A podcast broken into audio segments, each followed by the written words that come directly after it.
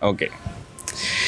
Selamat sore para pemirsa YouTube sekalian, para pemirsa kanal WhatsApp dan para pendengar podcast setia. Ini di siang atau sore nih, Bob? Siang menjelang sore. Siang menjelang sore ini kita berkolab kami ya, kami bukan kita ya. Kan Anda tidak termasuk. Nah, jadi kami berkolaborasi untuk uh, program siang menjelang sore hari ini. Kali ini topik kita, eh topik kita, topik kami akan membahas soal yang biasa saja. Biasa saja. Boleh, boleh. Oke Bob. Ya. Uh, kalau kemarin kita sudah ke Kediri Bob, ya di episode yang pertama kita sudah ke Kediri Bob. Ini yang kedua, sebenarnya kan banyak itu. Kita melihat orang-orang di luar sana itu pengen ngartis gitu kan. Nah, orang-orang di luar sana itu pengen terkenal. Orang-orang di luar sana itu pengen perhatian gitu kan. Padahal ya menjadi biasa itu menurut saya lebih lebih nyaman ya jadi biasa itu. Gimana? Hmm. ya ya juga sih. Uh, malah kemarin tuh saya sempat uh, ada yang di yang di kanal WhatsApp saya itu itu yeah, banyak yang komentar hmm, wah pengen kayak Om Bob seperti itu. Wah mesti butuh butuh kreativitas butuh apa kayak kayak bengek segala, segala macam. Padahal aku aku sendiri yo ngelakuin seperti itu yo ngalir aja aku pengen apa ya tak tak lakuin gitu loh. Terus terus ngapain juga dia kok pengen seperti saya gitu loh. Hmm. kan ya dia punya mungkin dia punya ciri khas sendiri yang yang yang aku pun aku pun seorang Bob pun mungkin nggak bisa ngelakuin yang dia dia bisa lakuin gitu loh. Jadi uh, ya biasa gitu loh. Biasanya dia dan biasanya Bob nah gitu seperti itu jadi ada kalau ada uh, terus keinginan pengen jadi si A, ya boleh-boleh saja. Tapi kan seperti itu jadi uh, ada paksaan sebenarnya. Hmm. Yang dari paksaan tersebut uh, segala sesuatu yang yang yang tidak adalah paksaan yo jatuhnya tetap nggak maksimal. Hmm. Itu bro. Intinya berarti uh, janjinya yo. Hmm kita harus bisa menakar ya kan. Hmm. Biasanya kita seperti apa? Ini hmm. contohnya saja beberapa waktu yang lalu saya masih punya rambut yang cukup yang hmm. mungkin aktivitas cukur itu biasa ya bagi hmm. orang lain. Tapi menurut bagi saya itu jadi luar biasa. ya karena memang niatnya memanjangkan, Bro. karena satu kahanan jadinya ya terpaksa harus potong rambut ya. Dan jadi luar biasa gitu. Nah, itu ya, mungkin mungkin bagi Bro Reza itu uh, uh, cukur seperti itu ya istilahnya apa tadi uh, kahanan dan sebagainya itu yo sama aku seperti gimbal seperti ini pun yo opo yo yo karena aku aku orangnya oh, ragilem ribet dan sebagainya nggak mau segala macam. Just tak biarkan seperti ini gitu loh yeah, seperti yeah, itu. yeah. aku ya, ya tadi benar, itu, benar. Uh,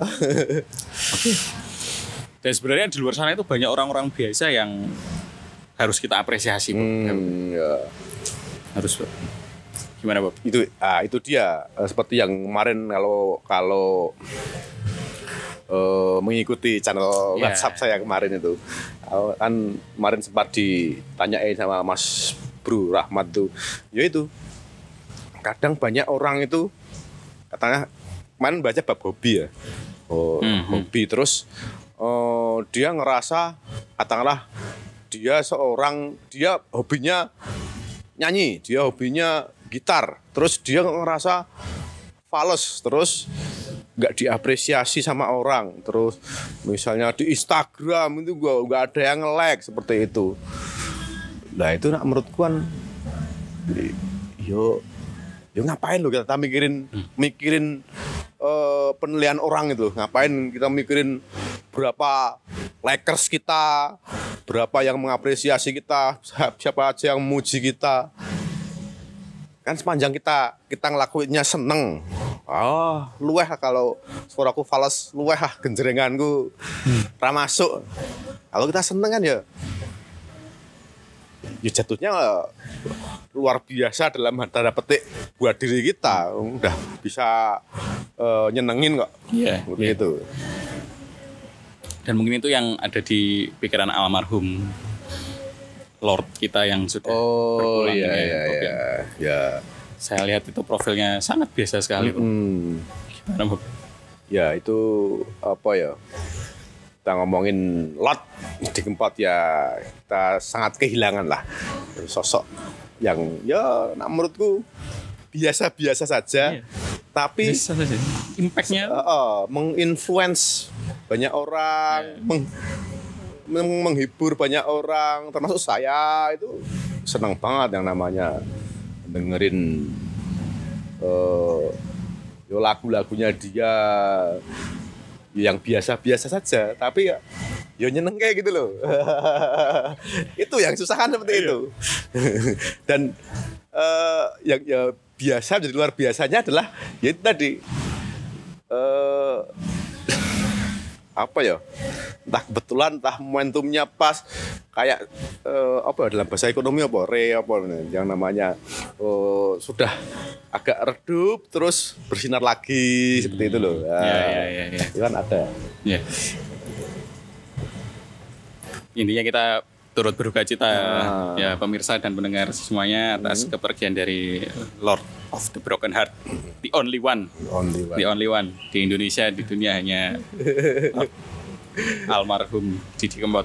aku punya cerita ini mas Gimana gimana? Eh, ya sedikit ya tapi sedikit dulu sepertinya menarik ini, Bu.